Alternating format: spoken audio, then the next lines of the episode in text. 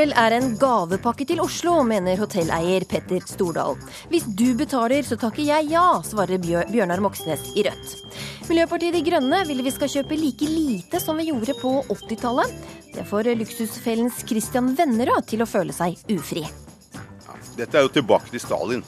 Altså bare at det er grønn Stalin istedenfor rød Stalin. Og Erna Solberg må kutte internettforbindelsen til mannen, for Høyre tåler ikke flere kjærlighetserklæringer på Twitter, mener satiriker Eirik Bergesen. Miljøpartiet De Grønne vil at vi skal redusere shoppinga og forbruket vårt til nivået vi var på på 80-tallet. Ukesluttsreporter Aksel Wilhelm Due testa 80-tallet på familien Fagerhaug fra Teenage Boss for å se hvordan de takla overgangen. Okay. Midt i stua til familien Fagerhaug Hansen ligger det to store poser med 30 år gamle klær. Jeg heter Maiken Elian Fagerhaug. Jeg heter Britt Hilde Fagerhaug. Jeg heter Amalie Fagerhaug. Tommer Roger Hansen. De er på full fart tilbake til 1980-tallet. De henter fram en ballgenser, en snekkerbukse og en olajakke med Donald på ryggen. Her, Amalie. Stålmorst. Vi skal se om Miljøpartiet De Grønne har rett når de sier at vi kunne klart oss fint med den levestandarden vi hadde på 80-tallet. Nei, det høres egentlig helt forferdelig ut. Så at eh, Forbruket på oss var jo helt, uansett helt annerledes. Det var ikke snakk om å få oss en ny topp til hver helg eller en ny bukse til hver helg. Da, det var ikke sånn. SSB har regna familien tilbake til 1985. Og snart skal vi se hvordan det går når vi setter oss ned med budsjettet. Fra juni til i dag har Miljøpartiet De Grønne mer enn dobla oppslutningen på meningsmålingene. Og med høyere oppslutning ble både media og de andre partiene mer interessert i Rasmus Hansson og politikken til Miljøpartiet De Grønne. I 1980 og der omkring så hadde nordmenn en ganske vesentlig lavere kjøpekraft og ganske vesentlig lavere materiell levestandard enn det vi har i dag. Jeg var barn på 80-tallet. Og spørsmålet er ganske enkelt. Hadde vi det noe vondt da? Svaret er nei. Og eksempelet viser vi har ganske mye å gå på. Eh, det man ganske lett kan finne ut at Hvis vi skal tilbake til den levestandarden, er det antageligvis det sterkeste fallet i levestandard noe vestlig land noensinne har opplevd. Det var på en måte de høye tinder og de dype daler. Økonom, forfatter og tidligere redaktør Christian Vennerød gir deg 80-tallet i kortform. 80-tallet er på en måte alt. Vi går på en måte fra gamle dager og til eh, det moderne samfunnet i løpet av et tiår.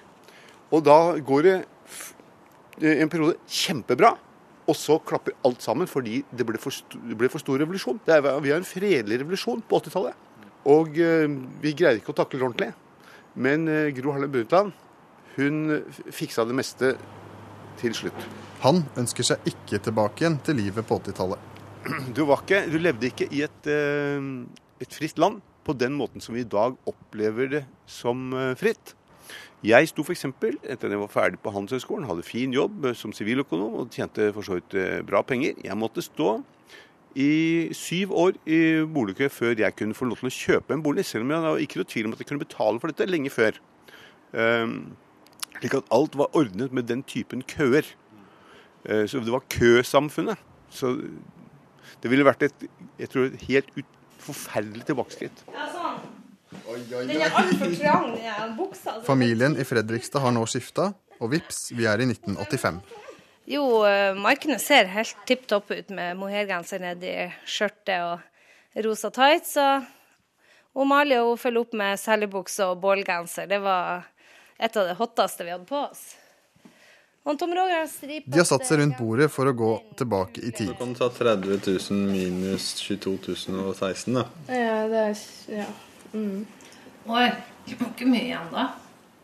Tall fra SSB viser at gjennomsnittsforbruket og gjennomsnittsinntekten har gått opp med 80 siden 1985. Altså, lønn i 1985 og utgiftene i 1985. Det betyr at familiens inntekt på ca. 60 000 må ned til 30 og forbruket må ned fra ca. 28 til ca. 17 Det skjønte du. Og så de finne ut av hvor mye Skal jeg skrive her på en bedre måte? Siden 1985 har vi også nesten dobla lønna og forbruket vårt. Men har det gjort oss lykkeligere? Det vet Ottar Hellevik. Som er professor i statsvitenskap ved Universitetet i Oslo. Ja, altså Første gang vi, vi stilte det spørsmålet var i 1985. Og da fant vi et lykkenivå, hvis jeg husker riktig, på 10-11 poeng. Og det holdt seg rundt det nivået helt til eh, 2003, var det vel, hvor vi fikk et, et lite sving oppover. Men altså eh, stort sett nokså likt nivå, da. Miljøpartiet De Grønne har altså rett når de sier at vi var like lykkelige før i tiden. Det du, det du trygt kan si, er at, eh, at det er ikke nødvendig, hvis man vil øke lykkenivået i Norge, å øke folks inntekter. Eh, en alternativ strategi er jo å få dem til å ønske seg de tingene som bidrar til å gjøre dem lykkelige. Altså ha en livsstil som, som ikke stiller altfor store krav. Da kan de klare seg med mindre også. Ja, men altså, mange mennesker sier at eh, det var ikke noe tid hvor det norske folk var sunnere og friskere enn under krigen. Så det, eh, det liksom, den typen argumentasjon holder ikke. Og veldig mange var, var mange sier at fellesskapet var strålende under krigen. Eh, Saken er dette at eh, lykke er et relativt begrep. Man måler seg i forhold til andre rundt seg og andre folk i resten av verden. Miljøpartiet De Grønne mener at vi fint kan halvere lønn og forbruk hvis vi skal ta det bokstavelig. Vi er blitt godt vant. Uh, så vi tar veldig mange av de tingene som en selvfølge, som man ville blitt helt overlykkelig over på 80-tallet. Hvis de hadde fått som vi har i dag, ville de på 80-tallet blitt kjempelykkelige. Hvis de hadde blitt flyttet 30 år frem i tid og plutselig kunne leve sånn som vi gjør nå, ja, det ville blitt. Det ville helt sjokkerende lykkelig. De ville jublet, de ville danset i gatene og ropt hurra, hurra. De ønsker også nullvekst og en grønn økonomi. Det første skjærer i ørene til vennere. Ja, dette er jo tilbake til Stalin. ikke sant? Altså Bare at det er grønn Stalin istedenfor rød Stalin. Det skal sitte noen og mene hva de skal gjøre. Det er, det er feil. Det er klart, sånn kan det ikke være. Ja, det er klart nå når du er 44 år, så var jo 80-tallet var jo fantastisk. Så ja, tenk ballen der. og null forpliktelser. Det var jo dritkult. Tilbake til 1985 og familien i Fredrikstad. Jeg tror ikke jeg blir så lykkelig at det blir kjøpt så mye sko. Men jeg tror nok sikkert jeg hadde vært like lykkelig om jeg ikke hadde gjort det. Nei, det syns jeg ikke. Man blir jo ikke mer lykkelig jo mindre man handler. I hvert fall ikke for ungdommer, tror jeg. Fordi eh, det er mange ungdommer som blir veldig glad når de får noe nytt, og da er man lykkelig kanskje i to dager, da. Men, eh, Men jeg, tror ikke, jeg tror ikke vi tenker sånn, eller i hvert fall ikke jeg. Men Kan du beskrive hvordan den følelsen er? Den følelsen Akkurat når man har kjøpt seg noe nytt, så er det sånn Å, herregud, det her kommer jeg til å bruke resten av livet mitt. I hvert fall hvis det er noe veldig fint. Så den følelsen er veldig god. Det er den. Rasmus Hansson, du er listet listetopp for eh, Miljøpartiet De Grønne i eh, Oslo. Og denne familien, vi hørte her de snakket om den gode følelsen ved å, å shoppe. Tror du nordmenn er klare for en så stor livsstilendring som dere foreslår? Ja, nå har jeg da for det første, for å si det veldig langsomt, ikke ikke foreslått at vi skal tilbake til 80-tallet. Vi skal ha samme forbruk. Miljøpartiet De Grønne eh, vil fortere inn i framtida enn noe annet norsk parti. Vi vil framover i tida. Og så brukte vi altså 80-tallet som, som, en illustrasjon på at det går an eh, å ha det ålreit. Det fikk vi jo en bekreftelse på at folk ikke hadde det helt avsindig forferdelig eh, på 80-tallet. Og det er hele poenget. Det som jo er grunnen til at vi sier dette, det er at alle som følger litt med i timen, vet at her på jorda så har vi rett og slett et altfor høyt ressursforbruk. Vi bruker så mye ressurser at det kommer til å ødelegge eh, livsmulighetene til folk som kommer etter oss. Men spørsmålet mitt var, hvordan tror du folk og nordmenn er klare for en så stor livsstilendring? Jeg, jeg har stor respekt for det norske folk, og jeg tror at eh, den overgangen som De Grønne foreslår,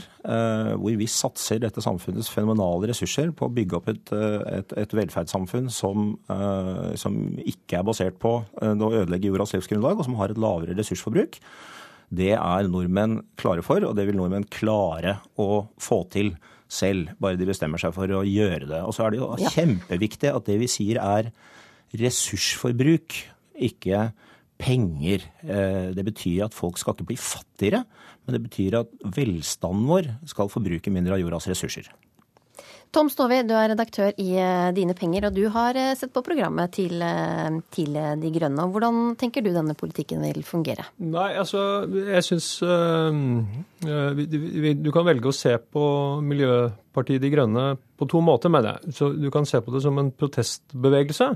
Og som en protestbevegelse så er det jo bra at det kommer et friskt pust inn og en måte tar tak i det som Hansson opplagt har rett i, at av, en av våre største utfordringer er at vi driver og ødelegger kloden. Det er ikke noe tvil om det.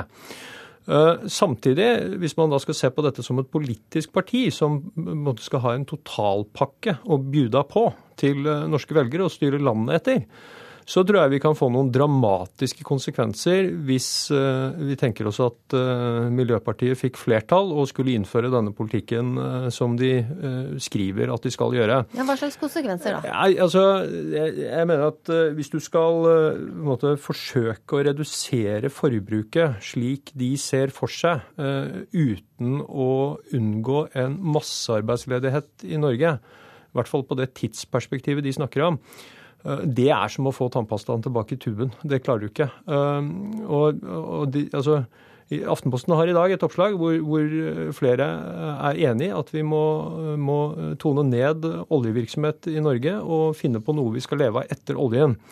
Eh, Miljøpartiet går jo veldig langt og sier at vi skal halvere norsk olje- og gassutvinning i løpet av syv år. Og da snakker vi altså 40% eller noe sånt av, av, norsk, eh, av skatteinntektene til staten. Eh, og, og, og, vi snakker om en type 350 000-400 000 mennesker som direkte og indirekte lever i denne næringen. Ja, skal Hvor skal de det? gjøre av seg så fort? Det er jo et godt spørsmål. Eh, vi kan helt sikkert diskutere eh, akkurat det årstallet og akkurat det tidsintervallet. Men det som er interessant, er jo altså at Miljøpartiet De Grønne er det første partiet som sier at når vi faktisk begynner å gjøre dette her, og så kommer i løpet av noen uker så kommer den politiske Norge humpende etter mm. og sier at det er det kanskje noe i allikevel. Eh, etter at alle først har sagt at dette er totalt urealistisk osv. Men hva skal vi gjøre altså, når dere har nedlagt oljevirksomheten vår? Vi foreslår at vi skal starte det prosjektet det er. og omdanne Norge fra et uh, oljebasert samfunn til et bærekraftig samfunn. Vi foreslår at en del av det prosjektet er å trappe ned oljevirksomheten i løpet av 20 år. Og hva skal den da erstattes med? og Den skal erstattes med det den må erstattes med, enten De grønne kommer til makta eller ikke. Fordi vi kommer til å måtte leve av noe helt annet i dette landet. Og Poenget er at vi må starte den jobben, og vi må starte den jobben nå. Mens vi har handlekraft og mens vi har ressurser. Fordi det blir dyrere og vanskeligere å gjøre det om en stund. Det er det nokså generell enighet om. Så, så, det mest oppsiktsvekkende ved hele denne, denne politiske diskusjonen, det er at Miljøpartiet De Grønne er det eneste som tør å si det alle vet. Eh, og så kommer alle løpende og er bekymret over hvordan Miljøpartiet De Grønne skal gjennomføre det.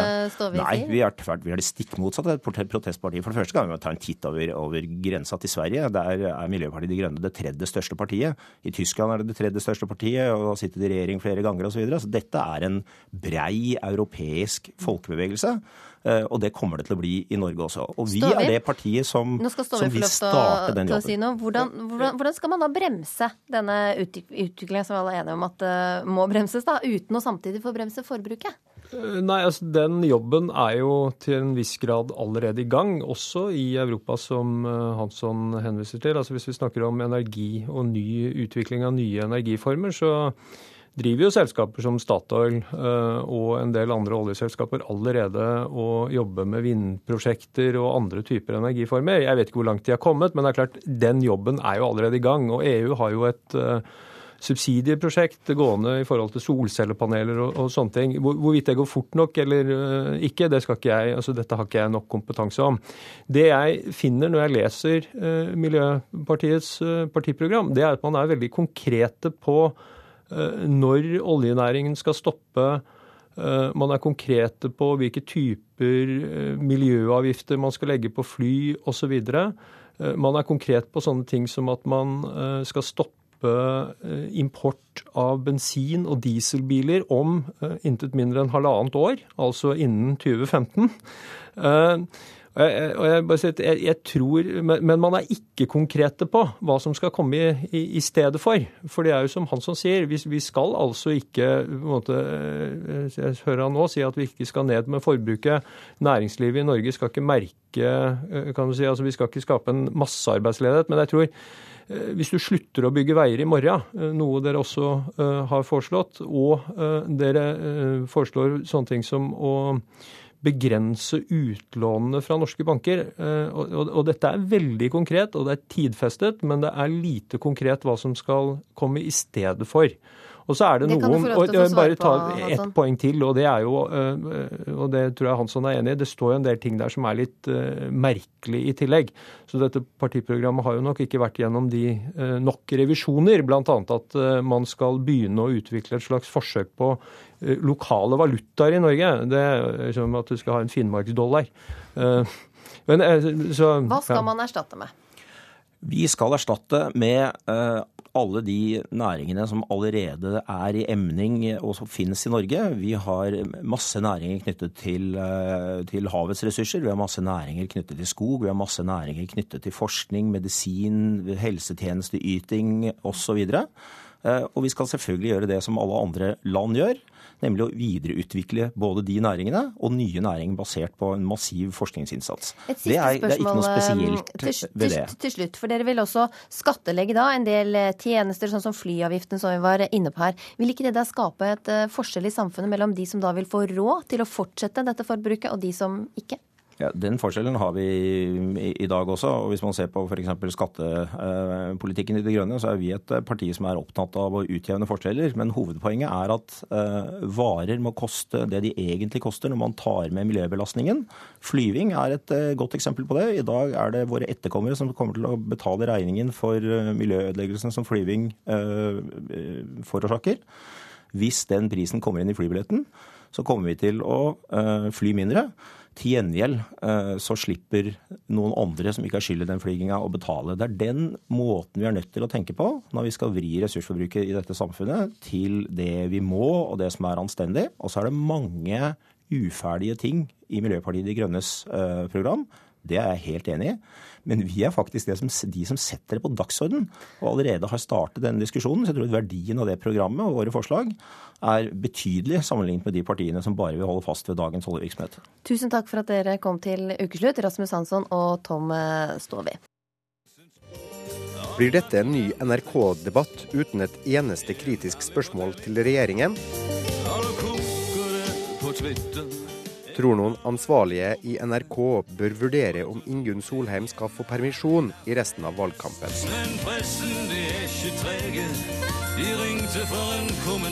Nå har Sindre bedt om unnskyldning overfor Ingunn Solheim og NRK. Eh, vi håper de aksepterer denne unnskyldninga. Det var nok en del i Høyre som satte kaffen i halsen da Erna Solbergs ektemann Sindre Finnes sa sin hjertens mening om NRK under helsedebatten i eh, valgstudio på tirsdag. Skoledebatten var det. Eirik Bergesen, du er tidlig tidligere diplomat, nå satiriker og står bl.a. bak eh, Opplysningskontoret. Hva tenkte du da du hørte dette? Jeg tenkte at det som nå er klart for alle, og for Erna, er at Sindre finnes. Han eksisterer, og når Sindre finnes, så for å si det på latinsk, så ergo sum. Hun må forholde seg til dette. Og hvis hun nå skal eh, bli statsminister og Det positive her er jo at da flytter hun jo inn i Inkognito-gata. Det kan jo passe når eh, Sindre er gift med Sindre. Så, så vil han ha en annen profil enn det han har hatt til nå. Og så kan du si at Erna klarte jo å løse det på en god måte. I den forstand at eh, hun gikk ut og sa at hun så på dette som en kjærlighetserklæring. Ja, Framsto det som det, da? En kjærlighetserklæring? Vel, man hevder jo noen ganger at menn har litt problemer med å uttrykke eh, kjærlighet overfor kvinner. Så ta den, de som eh, trodde det. Eh, for eh, Sindre har åpenbart eh, sine metoder. Kjetil B. Alstheim, kommentator i Dagens Næringsliv. Erna hun røska ut øreproppen og gikk midt i et TV-intervju forrige uke. Og nå har altså mannen eh, tømt seg på Twitter. Hvordan tror du stemninga er i Høyre nå? Jeg tror den er eh, veldig spent. Eh, Det er eh, Vi merker jo det, eh, alle redaksjoner her i NRK helt sikkert. eh, Alle journalister merker hvordan alle partiene nå begynner å bli hårsåre og angstbiterske. Eh, Og mener at eh, vi som dekker valgkampen eller kommenterer den, eh, tar for lite hardt i mot den andre parten. Og det var jo det denne frustrasjonen til Sindre Finnes var et uttrykk for. At høyrefolk satt og så på den debatten og ble frustrerte. Erna Solberg ligger jo an til å bli vår neste statsminister. Kan hennes ektemann da tillate seg slike utbrudd? Eh, Det, det, han, måtte jo, han måtte jo beklage dette etterpå, selvfølgelig. Det som var eh, overraskende, syns jeg, var at det tok så lang tid før han skjønte at dette var dumt. For eh, da NRK ringte ham opp eh, etter at han hadde tvitret, så, så utdypet han jo dette her og, og kom med tilleggsuttalelser som at dette ser ut til å være en bevisst strategi for å sverte Høyre. Eh, og Da burde han jo skjønt for lenge siden. Bare det at NRK ringte ham, burde vært en sånn diger alarmbjelle som fikk ham til å, å ringe sin eh, hustrus kommunikasjonsrådgiver og be om hjelp. I en eh, undersøkelse som da Infact har gjort for eh, VG, så sier én av tre at eh, Erna Solbergs posisjon er svekka av dette. Men 28% mener det er positivt at han støtter kona på denne måten. Hva tror dere? Det fremstår jo egentlig altså det ble jo, De fikk jo en vri på det ved dette at uh, VG eh, ja, VG hjalp jo nærmest eh, Erna Solberg her ved å legge dette ordet kjærlighetserklæring i munnen på henne i, i oppslaget på, på torsdag. Så han, han fremstår jo nærmest som litt sånn ridderlig, at han er ute og forsvarer sin store kjærlighet. Men, men de twittermeldingene viser jo at dette var ganske drøye eh, angrep på en programleder. Eh, Så det er ikke så rart at eh, såpass mange mener det er negativt. Men, men 28% er jo ikke noe dårlig tall, det heller. Det er jo ikke så langt unna det Høyre faktisk har i oppslutning. Så det at folk som ikke vil stemme Høyre, syns at det var dumt at han gjorde dette, det tror jeg Høyre kan leve med. Jeg må passe meg litt for å svare på ledende spørsmål. Det kan jo være at eh, Sindre har rett, at det er en NRK-konspirasjon her. Eh, Vi er jo ikke helt sikre enda, for det må jo avgjøre når valgkampen er over. Men eh, det er nok også sånn eh, at det man mangler i politikk, og gjerne i denne valgkampen også, er en type menneskelighet hvor folk faktisk sier det de mener, og kanskje til og med noen ganger sier det de føler. Og jeg tror at man allerede er begynt å bli lei av de her drøvtygde pressepunktene som da eh, politikerne kommer drassende med i disse studioene som vi nå sitter, eh, og, og svarer vel i grunnen egentlig ikke på spørsmålet engang. Sindre gikk jo rett til kjernen her og sa både det han mente og han følte. Og den type menneskelighet tror jeg appellerer til mange. Eh, Og vi husker jo også da, da Ingrid Skyllerud var eh, bekritisert for å si at eh, hun var lei av at eh, alle de hjemmene hun besøkte, hadde Arne Jacobsen-stoler. Så skapte jo det et inntrykk eh, av da at eh, statsministeren, som da den gang bodde på Nordberg, ikke var i takt med befolkningen. Um, og selv om det tilsynelatende var en veldig sofistikert ting å si, altså hun hadde et enda bedre estetisk sans enn enn sine omgivelser, så var det politisk mye mer ødeleggende enn det Sindre Finnes nå sier. Tvert imot så er jo det at eh, Høyre da fremstår som eh, litt mer folkelig.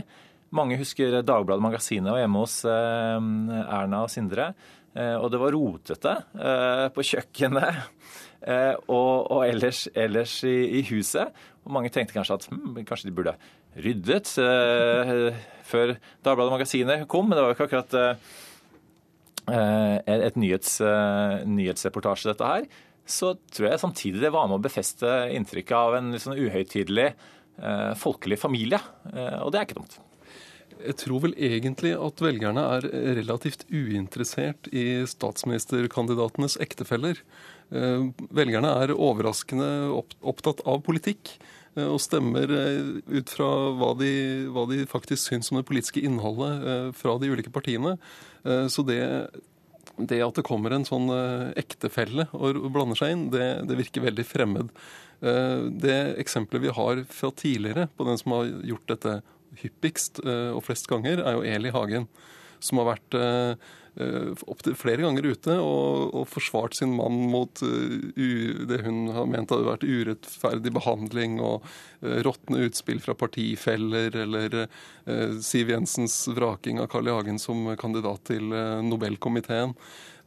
Så vi kunne jo kanskje se tendenser her til at vi kunne få en mannlig Eli Hagen i Sindre Finnes. Men jeg tror nok han, han er kjedeligere enn som så. Ja, hva vi... kan vi vente oss av han tror... framover? Dette er en mann som jobber i norsk industri. Og vært anonym og grå til nå. Jeg tror han kommer til å være anonym og grå fremover. Bergesen til slutt. Ja, Nå regner jeg med at uh, Erna både har beslaglagt capslock-tassen hans og kuttet internettilgangen for valgkampen. Så får vi se hva som skjer uh, når den er over og Erna kanskje er, er statsminister. De har åpenbart eh, taklet dette her godt. men en andre og en tredje gang eh, må man nok eh, til og med andre midler enn en, en sånn kjærlig eh, gest fra, fra, Erna. Og vi har selvfølgelig invitert Sindre Finnes til å komme hit i Ukeslutt i dag, men det takket han pent nei til. Takk skal dere ha for at dere kom.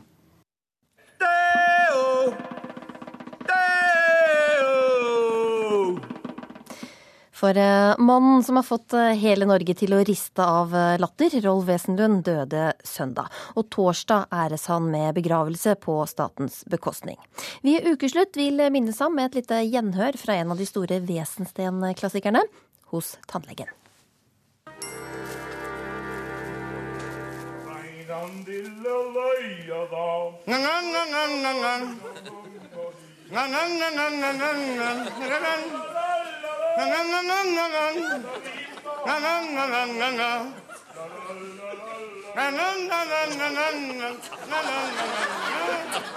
Ja, sang, og det rusler og går.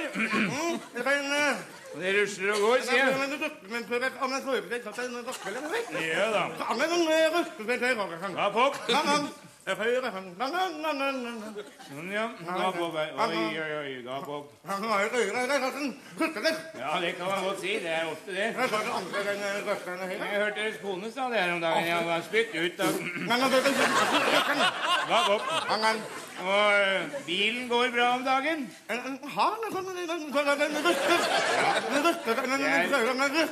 er helt Ja, er typisk det, vet du. Denne nattekulda som vi har nå om dagen i november. Veldig nattekulda. Så har man disse kjølige nettene og disse varme dagene. Så får man denne veldige kondensdannelsen der. Og så, så jeg satte i nøkkelen i dag morges i bilen. Så så starta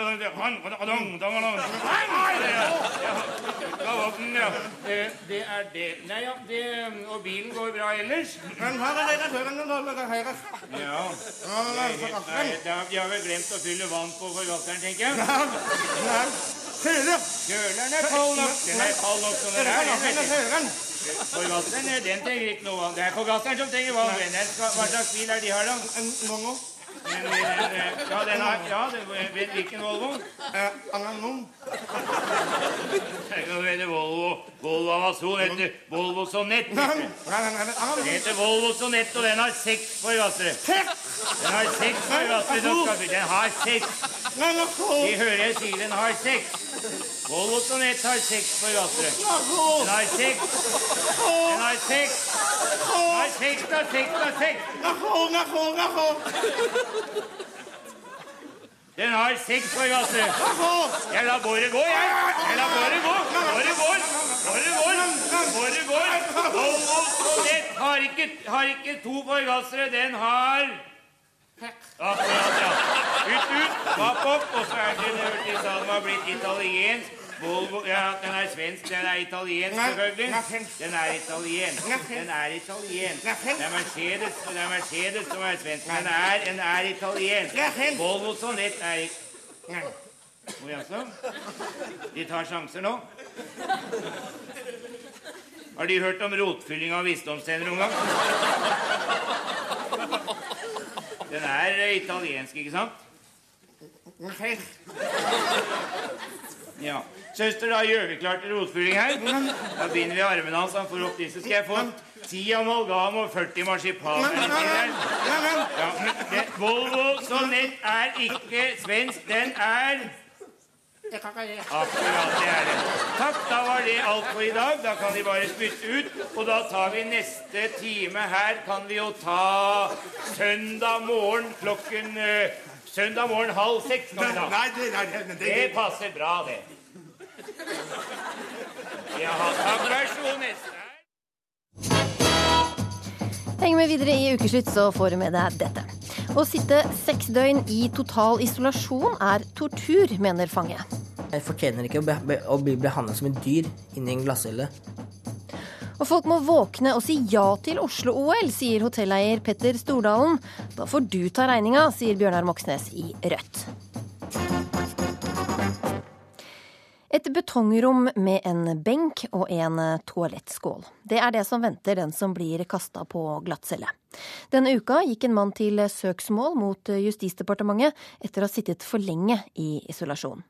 Ukeslutts reporter Steinar Solås Suvatne møtte en som tilbrakte seks døgn på glattcelle. Det satte sine spor. Når jeg begynner å tenke tilbake, så begynner jeg å gråte på, på den glattcella, liksom. Det er ikke noe jeg, jeg føler meg mer som at jeg har blitt torturert da, inni den cella. I seks døgn satt han på en glattcelle. Og de dagene og nettene, de glemmer han aldri. Tre måneders tid, så, så klarer jeg å sove normalt. Jeg brukte Valagan. Valagan, sånn sovemedisin som du får fra fengselet. 15 milliliter fikk jeg hver eneste dag. I tre måneder. Han er 24 år, og han soner en dom for vold i et fengsel på Østlandet. Har du kommet til vakta?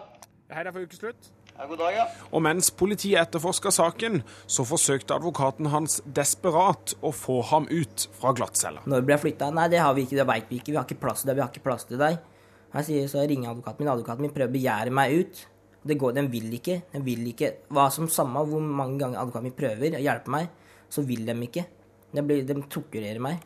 Hadde jeg sittet der lenge, så tror jeg jeg hadde, jeg hadde blitt gal, for å si det sånn. Da hadde jeg sikkert trengt en psykolog for å få meg på vei rett vei igjen.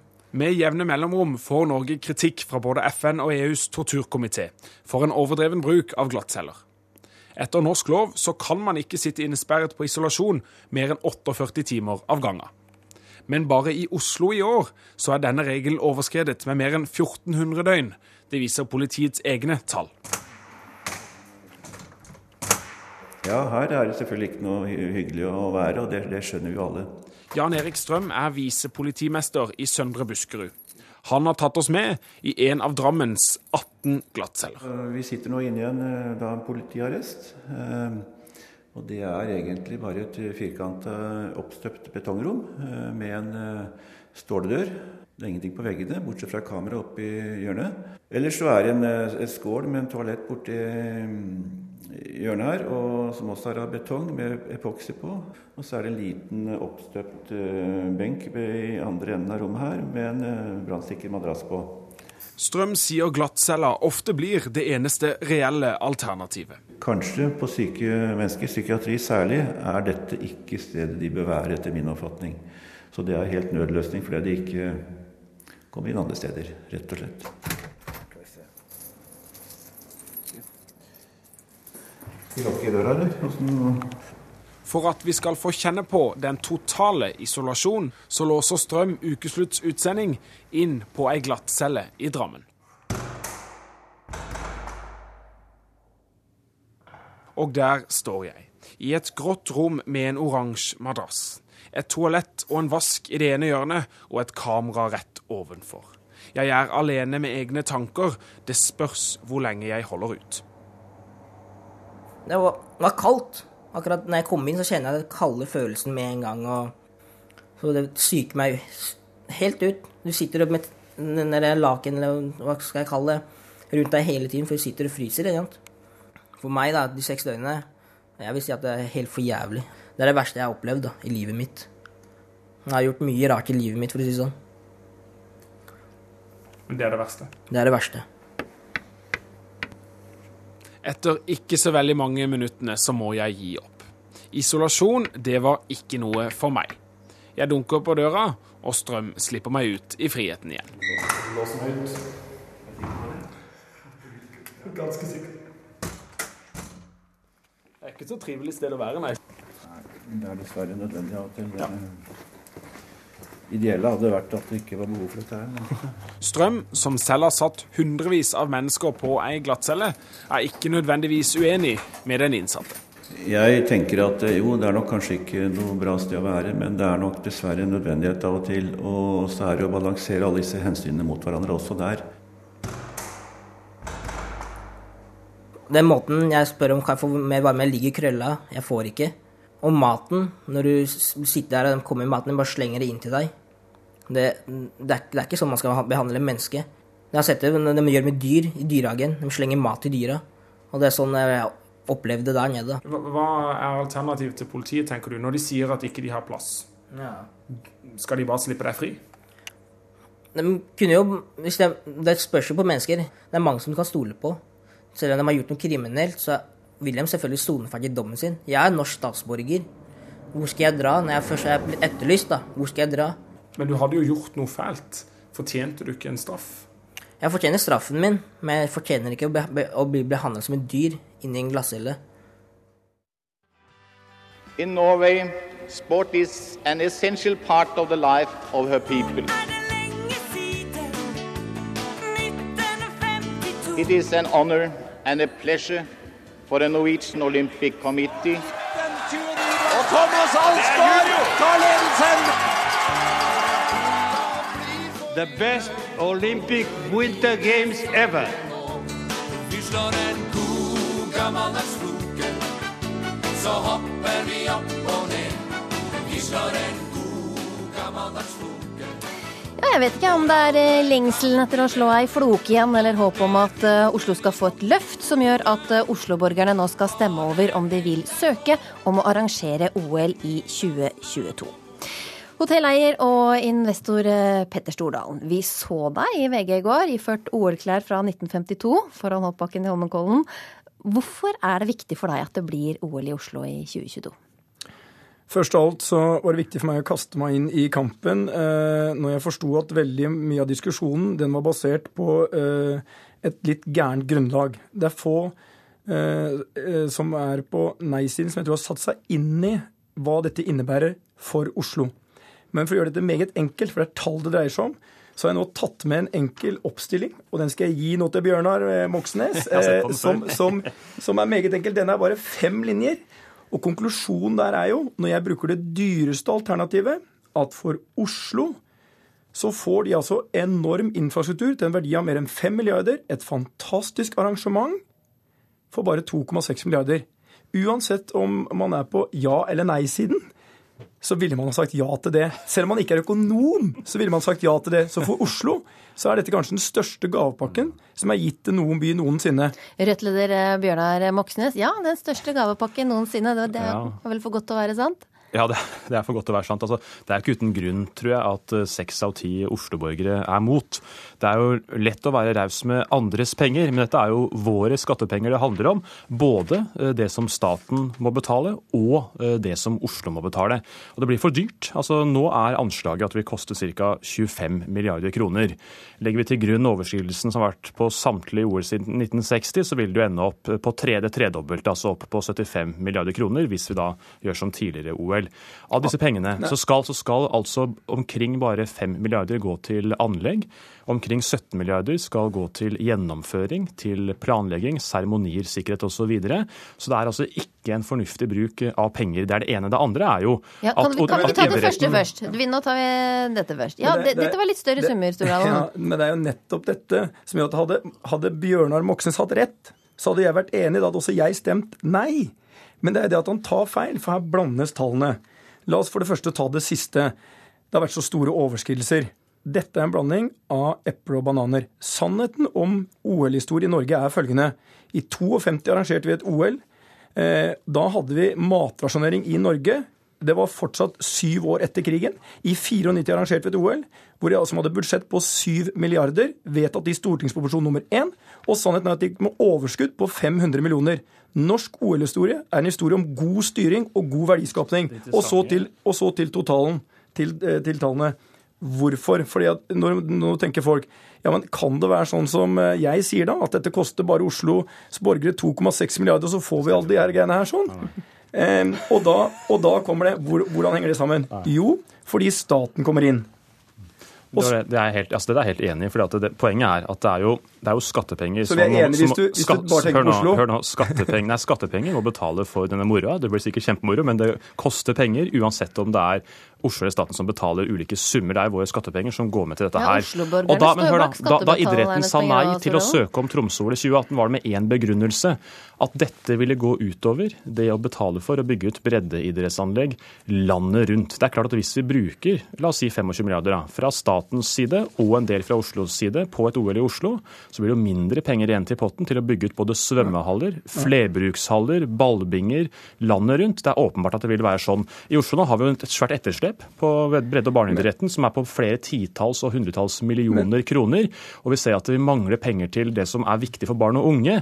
Og da bruke store summer på et IOC-arrangement er ikke det som trengs i Oslo først og fremst. Det trengs penger til eh, breddeidretten, ikke til dette Ja, er, det dette, er det dette vi trenger å bruke penger på i Oslo-Stordalen? Nei, sannheten er jo følgende. Det er at det, vi får jo forsering av masse viktige prosjekter. Og for å sette tallene i et riktig perspektiv her sånn bare, Vi hadde, og nå har jeg også med en liten oppstilling her til Moxnes, som viser statsbudsjettet vårt. Vi hadde et overskudd vær så god, det er vakkert markert ut med markeringsturs, Vi hadde et overskudd på statsbudsjettet på ca. 380 millioner, og det, får- vi i år også. Vi skal kun bruke 1% under 1% av det overskuddet uten å røre oljefondet, som er på 4500 milliarder. I 2022 kommer det til å være på 8000 milliarder. Vi rører ikke det. Dette er en ekstrabevilgning. Det går ikke på bekostning av noe. Pengene det kommer kommer i tillegg til Jo, Ja, men- men- pengene må hentes fra et sted helt åpenbart. I dag er situasjonen følgende i, Men, i Oslo. Bjørnar Moxnes, hvor for- stor- For å illustrere, poenget, sier, mitt, for å illustrere er- poenget mitt i Oslo er det sånn nå at her stenger, altså, her stenger altså ishallene fire uker før resten av landet og åpner fire uker seinere enn resten av landet. Hockeysjefen er jo rasende på Oslo kommune, som styres av de borgerlige. Vet du hva som er kostnaden for å holde hockeyhallene åpne som resten av landet? Det er en halv million kroner. Så det har vi altså ikke råd til. Men et OL som vil koste Oslo kommune også flere milliarder kroner, da har vi plutselig penger til. Det henger jo ikke på greip. Men, Det henger jo ikke Vet du hva? Bjørnar har Moxnes, Hvis, Oslo skal be om kan å få 25 milliarder av staten, så har vi mange andre ting som kommer lenger opp på lista enn å bruke 17 av dem på å planlegge og gjennomføre et arrangement. Dette er altså en dårlig bruk av eventuelt statlige midler. Vi har mange andre aldri- ting som er lenger opp på lista Men enn dette OL-et. Du får aldri de pengene. Det vet du også, hvis du er et, et snev av realistisk her. sånn. Os, altså, OL i Oslo er en Oslopakke 4 og en Norgespakke 1 etter mitt syn. Sannheten er at de tingene han ønsker, de får han ved å stemme ja til OL. Og det er, ikke, det er ikke sånn. Han får infrastruktur, du får studentboliger, du kan få eldreboliger, du får idrettsanlegg, du får skianlegg, du får opprustning av Groruddalen. Altså alt dette får de for 2,6 milliarder. Altså Hvis Oslos befolkning kjenner sin besøkstid, så må de stemme ja av én grunn. Og da har ikke begynt å snakke om hva dette kan bety. Og husk en ting, skal jeg fortelle en ting. Vet du vet du blir mye jeg Stordalen, alene vet du hvor mye- Stordalen. vet du mye jeg alene skal investere? Bare i, bare i troen på at dette handler om Ja, men- Men vet, hvem, vet du hvor mye jeg skal investere? bør, eh, hvem mener du bør betale for denne mora hvis vi skulle hatt et OL? Nei, altså Jeg kommer til å stemme ja til OL hvis Petter Stordalen betaler for hele moroa, men det tror jeg ikke vil skje. Det Vil det vil, betales si- av men Oslos det- og Norges skattebetalere. At folk, lander, landet, at folk landet rundt er rasende. Nei. For ikke de får bestemme, skjønner jeg. For de skal jo også ta og plukke opp regninga for dette arrangementet, som bruker også milliarder av kroner. Jeg er litt bare på nysgjerrig på om arrangere- Stordalen Her kunne har tenke vi- seg å være med Ja, å betale for her har, vi dette fem, laget. her har vi 5000 milliarder på oljefondet som investeres i eh, våpenselskaper, i tobakksselskaper, i eiendommer i utlandet. Og vi skal ikke røre det. Når Moxnes snakker om at dette går på bekostning av noe, så tar han fundamentalt feil. Så tar du regninga?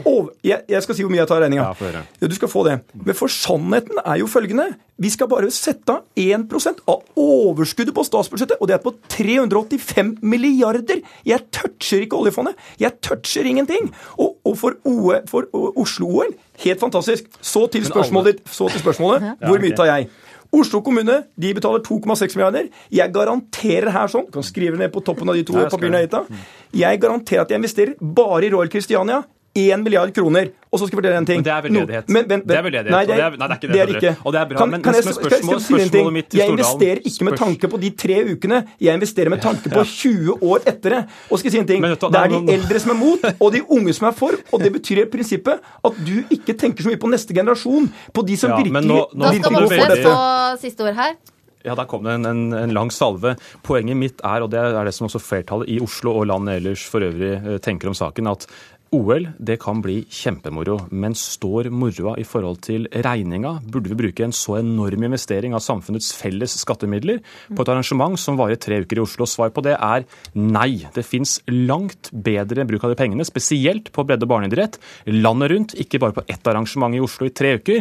Der veldig mye av pengene vil gå med til øh, gjennomføring og planlegging og, og arrangering. Her, det skal øh, Oslo-velgerne bestemme den 9. september. Takk skal dere ha, Petter Stordalen og Bjørnar Moxnes.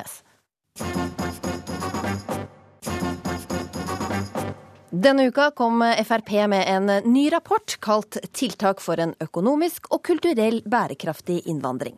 Siv Jensen mener det er viktig å være stolt av sin egen kultur, men hva norsk kultur er, det er det vanskeligere å få svar på. Så vi i Ukeslutt tenkte at vi skulle hjelpe henne litt til neste gang hun får spørsmålet. Hva er norsk kultur?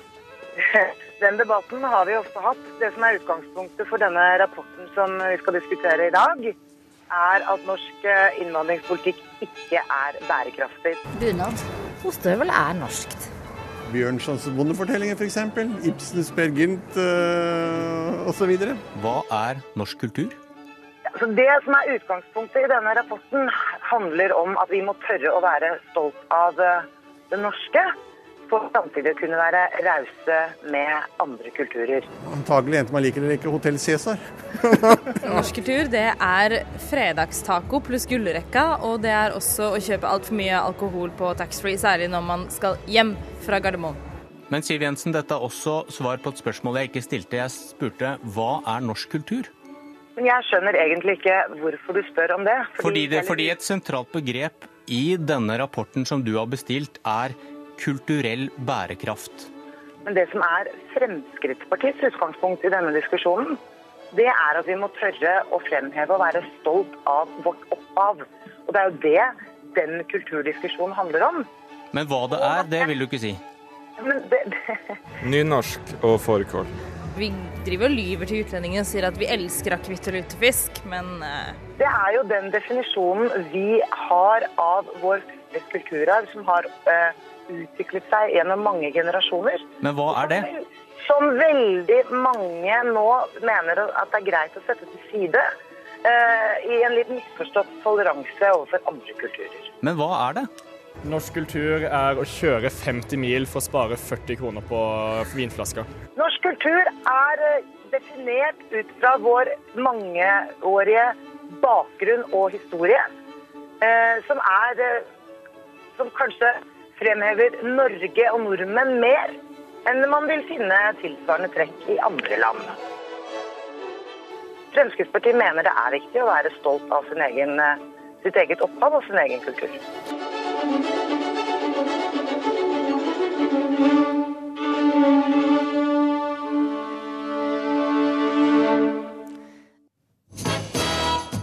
Ukeslutt setter punktum for i dag. Ansvarlig for sendinga var Kari Li, teknisk ansvarlig Finn Li og i studio Linn Beate Gabrielsen.